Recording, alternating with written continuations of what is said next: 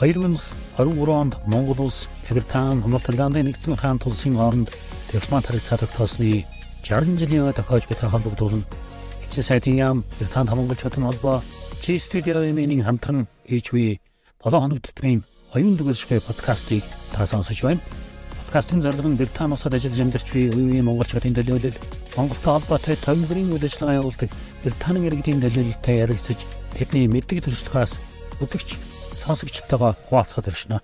Today I'm here uh, Mr. Alan Sanders home. Uh, thank you for accepting uh, my invitation to be our podcast guest. You're welcome. Because I know I've heard and I've kind of met several times with you in the, in the past, but uh, but lately you said you're out of touch, Mongolia, because of the circumstances and everything. But I just really want to reintroduce you, if, if you like. And, Thank uh, you. Yes, I, and, uh, I would welcome this yeah, opportunity. Because also it's uh, 60th anniversary of the between two countries, and also our mm-hmm. ambassador initiated this series of podcasts. You know, how did you first involved with Mongolia and Mongolian study? Well, it, it, it's, a, it's, a, it's a strange story, really, that uh, my, my interest uh, uh, uh in senior school was uh, in foreign languages. Uh, and, and I, I found I, I, didn't like French very much, but I was rather good at German. Mm. And so I proceeded with German. and and then uh, uh, in, uh, in this would have been in the 1960s, I, I decided that I should be, do something more challenging. So I, I, I opted to um, ask uh, one of the teachers at our school, uh, whose wife was Russian, mm. uh, whether he knew Russian and if he would be willing to teach me and uh, uh, and he said he would, uh, and the the school didn't object. Oh, okay. So uh, uh, I proceeded there. So um, by the time I was eighteen, I, I, had ordinary level, as it was called, certificate from Cambridge uh-huh. that I had learned some Russian, and. then, after I completed military service, because we had a still the call up in those days. In those days. Okay. And uh, uh, I. Uh, the 1950s. Yes, yeah. yes.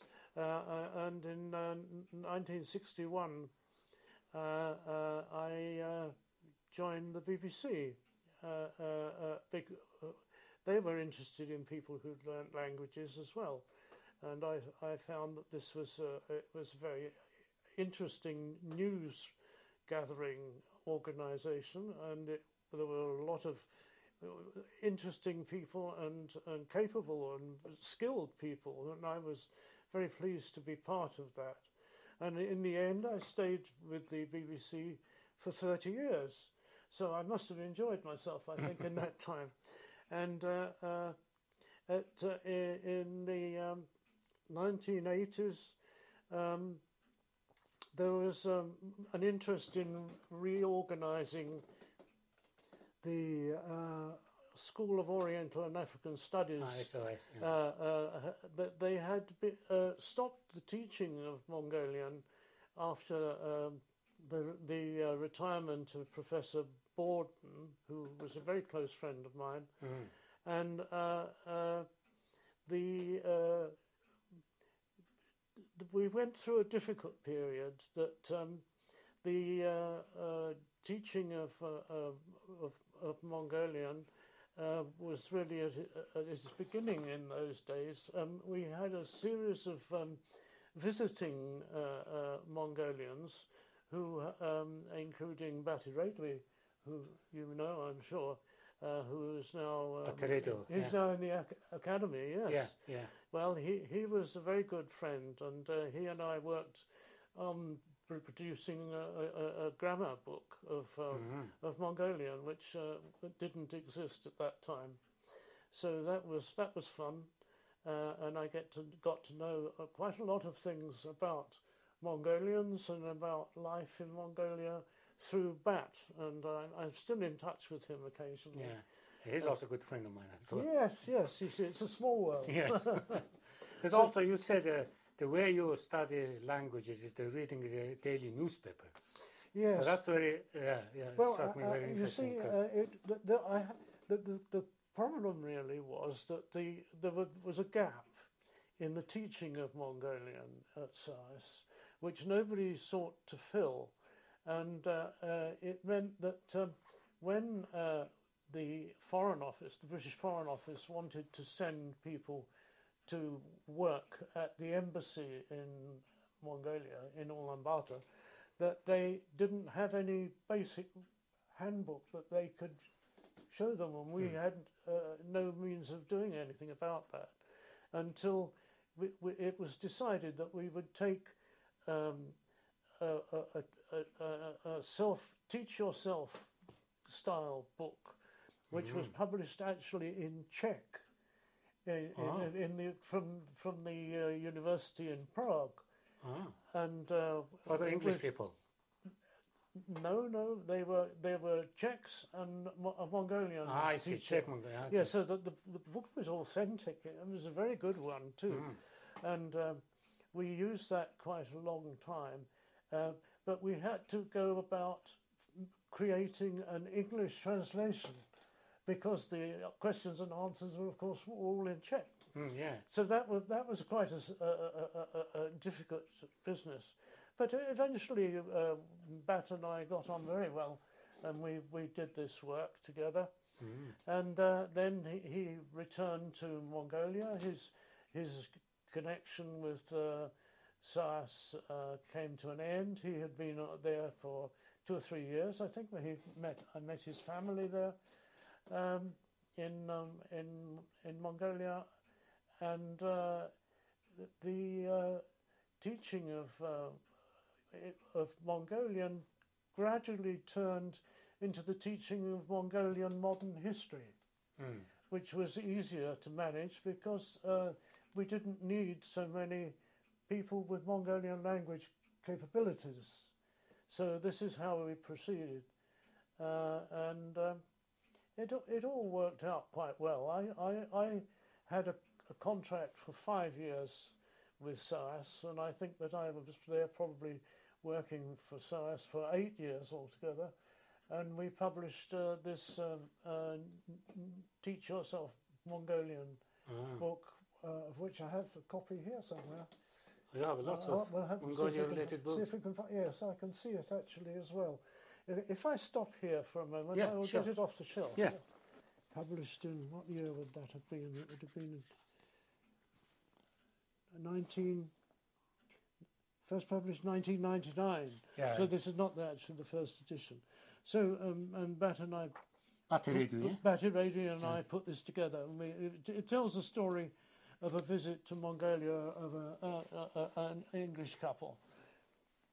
Mm. Oh, yeah.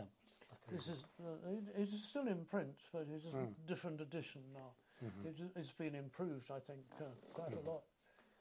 So also, you used to give a lecture to British diplomats who assigned to go to Mongolia. They were. It, this was really language training. Language training. yeah. So, so Bat's role was very important in that as well. So he was he was also uh, uh, worked in the SOAS library, which has a huge collection of uh, of pre-revolutionary uh, um, Mongolian script books, which uh, uh, fascinated me. Although I find uh, I'm taking a new interest in this now, but uh, it was uh, uh, v- v- it's very difficult to understand. First of all, the principle. Once the principle is clear, then you can understand where you're going. But uh, um, I, I am having some difficulty at the moment. So I think now Inca is uh, teaching those, That's it- I think she. I think that's also so. Yes, Yeah. and is um, uh, very good. And uh, uh, I don't. I, I have very little contact with Mongolian speakers now. So you, you are a good You one. are- Yes. Yeah, so I thought you were in the Leeds because uh, Judith Nordby, your friend, Dr. yes. Yes. She mentioned about you, so I thought, oh, maybe that's what my first email is about. When I go to Leeds, when you see, then you said you live in Reading, which is close by to me. Yeah, an hour yeah, but drive. it was more convenient. yeah, more more convenient than traveling to Leeds. Yeah, so yeah. yeah, yeah. yeah. So, So, so this was uh, this was a, a, a, a- a book which uh, involved several people uh, to, to the, the styling, the, the creation of it, the physical printing of it, and so on. All this, these questions. So I was, I, I'm quite pleased with the outcome of that one. Yes. I just also because of your uh, way of learning or connecting with the language in the country, reading a news daily newspapers. Because Yes. you maybe don't remember, but every time I met you several times, when I engage the conversation, you always talk about the current situation in Mongolia. so at that time I was thinking, how did he know anything about How did it? you know about Yeah, that? but uh, just we had a conversation. You talked about the flood in Ulaanbaatar and uh, a tourist season this summer and that kind of quite current thing. You know, Mongolian government is trying to bring lots of tourists in. Are, Yes, it was a bad, bad start. Well, we will see how things go. yeah, the flood is a bit.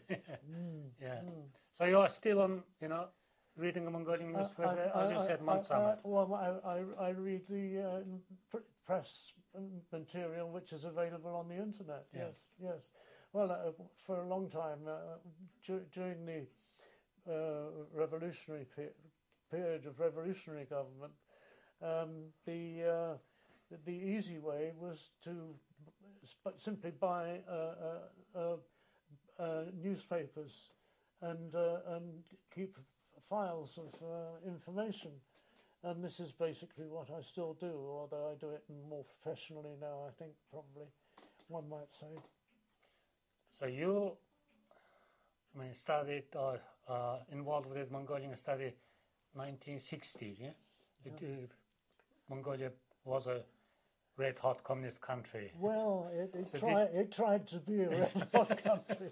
I mean, that time, I guess, in the, uh, the first time you visited to Mongolia, 1970s, yeah? Yes, yes. Uh, yes. the was still in the power. Tsedenbal was still in power. Yes, yes. Uh, it was very, very interesting and enjoyable. I had some, uh, some minor adventures. Uh, um, uh, I, uh, it, it, it, the, the, it was of particular interest to me that it was winter time when I stayed there. Four months I was there. Oh, quite for a long time. Yeah, yes, for quite a long time, and I've, I had uh, lessons in Mongolian at the uh, at the Mongolian uni- uh, University. Ulaanbaatar University. Yes, um, so that that was a good start. And I made some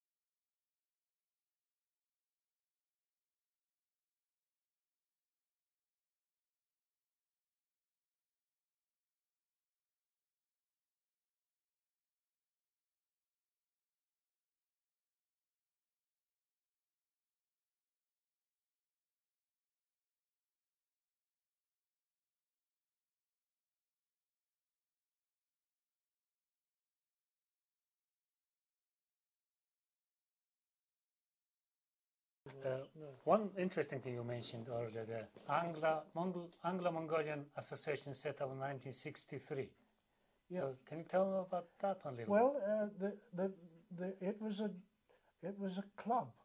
a club, okay. It was a club which was run by a, a, a, an Englishman who was uh, a, a, a, a rich shipping magnate. Ah, businessman, okay. Yes, his name was Furness. And Furness uh, uh, was persuaded by a group of people who were interested in Mongolia, not in Furness, but in Mongolia.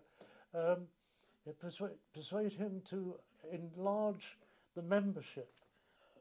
Furness uh, agreed to the changes and uh, it became a, a, a, the Anglo-Mongolian Society, as it was in those days. That's what it was called, and uh, it had uh, up to hundred members by the time um it gradually lost ground.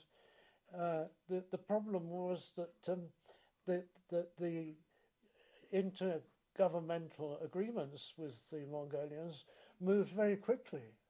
Uh, you maybe have seen the two-volume book, uh, which is uh, recounts how, how that. Uh, no, n- not not that one. Can you see down there in the double two dark blue volumes yeah. there? This On the one? on, yes, on the, that, that one. Yes, the, this was this one and its other one. These were published 20, 2013. Yeah, Yes, I, I think uh, you probably have seen them before. yeah, I've seen it. You show them to the people. Yeah. The, this this uh, uh, meant that the uh, focus on r- relations was no longer on people to people, but on government to government. And uh, it's, it, I, I regret very much that the, Ah. uh, that the, the government uh, broke off a number of very workable systems and schemes which had been created during the earlier period. And now uh, the, uh, Mongolian affairs are generally speaking excluded from from uh, Mongo- uh, from Britain's uh, uh, uh, studies area, uh, uh, and uh, it, it was very uh, badly done. Really, that, that we had uh, the recruitment of uh, Mongolians who came to work as translators and help help us in uh, SOAS, for example, and they were eventually cut off by the uh, British government, not by the Mongolian government. And it was a great shame that that happened. And also, you mentioned that the association tried to bring some Mongolian actors in plays to the. Well, uh, that so was now, not a the, yeah, this Yeah. year. This uh, year, yeah, yes, the, yes. the Mongol Khan, the Yes, big yes. theatrical show is coming too Yes. after 60 years. yes, well, near 60 years, Yeah, yes, yeah. yes. Well, that, this, sometimes these things happen very slowly and sometimes they Yeah. happen very suddenly and unexpectedly, but that's uh, Yeah. very unusual. So you, thank you for the books. You just published these two volumes of books. So talk Yeah. about. Well, it it, uh, it it began uh, uh, in 1990 or something like that when I wrote the. This was for an American publisher, and uh, the uh, the uh, let me think for a moment. The uh, the, pu- the publishers were, were very badly organised in those days, and, and and the schedules all w- when were shot. They didn't didn't work out. And then uh, gradually, over a period of 20 years, I, I rewrote longer and more detailed versions. So this is the fourth volume uh, uh, uh, um, in two parts, and uh, it, it was published in 2017. And I don't, I don't think I shall do it again. Historical Dictionary of Mongolia, yes. two yes. volumes. Okay. Yeah, thank you very much. So thank you very much for And, accepting. uh, and as I said, I think uh, you, you, obviously you have a lot to talk because you also you mentioned several uh, old uh, Mongolian study people, Lattimore, Onungung, and I mean, yes, yeah, yes, uh, yes. yeah. So you're a good friend of yours, uh, and uh, so Yes, and some some of the uh, elderly um, um, uh, uh, academicians in the Mongolian. Uh, Yeah, Mon- yeah, I'm sure, yeah. very very interesting people, uh, uh, and very very enjoyable company. My my language teacher during my first visit to Mongolia um, was Tsoloo, who is a, um, a, specialist in uh, Western Mongolian dialects. Mhm. A very nice man who helped me enormously. And of course, the funny thing is that when I arrived in Ulaanbaatar, I realized that my lessons were not going to be in English, they were going to be in Russian. That's the way it was. They didn't have the staff. Uh, Yeah, to teach yeah. English person Yes, how yes, study yes. But that that Yeah. was that was also useful to me. That, that's that's also how I learned English because I have some oczytel anglisko języka. yes, So that's I used to learn English because we didn't have Mongolian book to learn of course, I understand. But we were in the same situation. Yeah, I see. Okay, thank you very much, Mr. Uh, uh, and uh, Uh, uh, as Yeah. I said, if I think I haven't said so, if, if, first of all, if I've said, said too much, that you will deal with that. Uh, uh, if I've said too little, you should ask me, and uh, I might volunteer some more information as well. yeah, Uh, but um, uh, I, I, I have very much enjoyed my life as a Mongolist, and I have met now Many, even another Mongol Mongol guy. uh, uh, yes, who's Yeah. who's uh, who who has been actually very important in my life, although I hadn't been aware of it at the time. so yeah, thank you very much. Uh, wish you all the healthy, lengthy life and do more things and well, I don't know what i will do. Uh, keep in uh, touch. And uh, I, I'm, I'm running out of space. Look at my uh, bookshelf. uh, yeah, I have two bedrooms upstairs full of books as oh, well. So okay. uh, that's, deciding what to do with them is is also Yeah. quite a, a an important task I have to think about. Okay, thank you, my uh, audience of, of, of the podcast, and see you next time.